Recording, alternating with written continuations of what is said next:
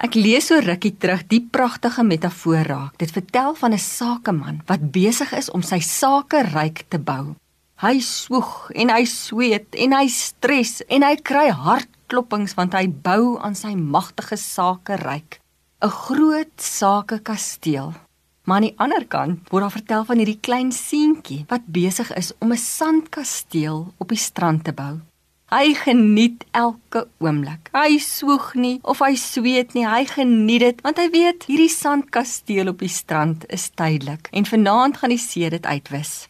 Wanneer mens besef dat hierdie lewe net tydelik is, dan leef jy dit heel anders. Dan gaan jy jou nie meer so bekommer oor sekere goed nie. Jy gaan vryer leef en jy gaan die lewe baie meer geniet. Wanneer ons besef dat hierdie aardse lewe is maar net tydelik en dat ons gaan oorgaan na 'n ware lewe toe, dan gaan ons op 'n ander manier leef.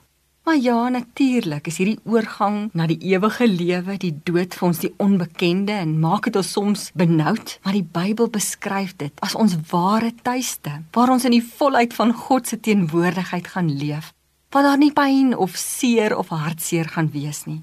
Paulus sê op hierdie aarde proe ons maar net ietsie van die lewe, maar wanneer ons sterf, dan gaan ons eers die ware lewe beleef. In Johannes 11 vers 25 sê Jesus: Ek is die opstanding en die lewe. Wie in my glo sal lewe al sterwe hy ook, en elkeen wat lewe en in my glo, sal in alle ewigheid nooit sterf nie. Ja, ons as kinders van die Here kan uitsien na die hemel. Die dood het nie die laaste sê nie. Jesus het die almal uit die dood gehaal. Hierdie land, hierdie wêreld waarin ons leef, is eintlik die wêreld van die sterwenis. Wanneer ons sterf, dan gaan ons oor na die land van die lewendes. Die evangelis D.L. Moody het gesê: "Eendag gaan julle in die koerant lees dat ek gesterf het. Moet dit nie glo nie. Dan gaan ek meer lewend wees as ooit. Wanneer ons sterf, dan begin die lewe eers vir ons." Paulus gebruik so 'n mooi metafoor Hy sê wanneer ons heen gaan, dan is dit om jou ankertoue los te maak. Met ander woorde wat hy eintlik sê is ons is nou nog in die hawe. Ons is so skepe wat in die hawe is en ons beleef iets van die see hier in die hawe, maar wanneer ons heen gaan, dan trek ons ons ankertoue op en ons vaar ons nooiens vaart die oop oseaan in.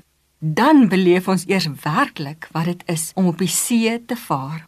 In 2 Korintiërs staan daar: Ons weet dat wanneer ons hierdie aardse woning wat maar 'n tent is, wanneer dit afgebreek word, het ons 'n vaste gebou in die hemel.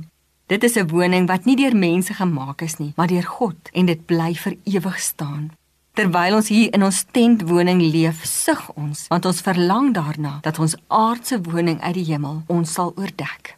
Ja, leef voluit hier op aarde, maar weet dat jy as kind van God 'n hemelse vooruitsig het.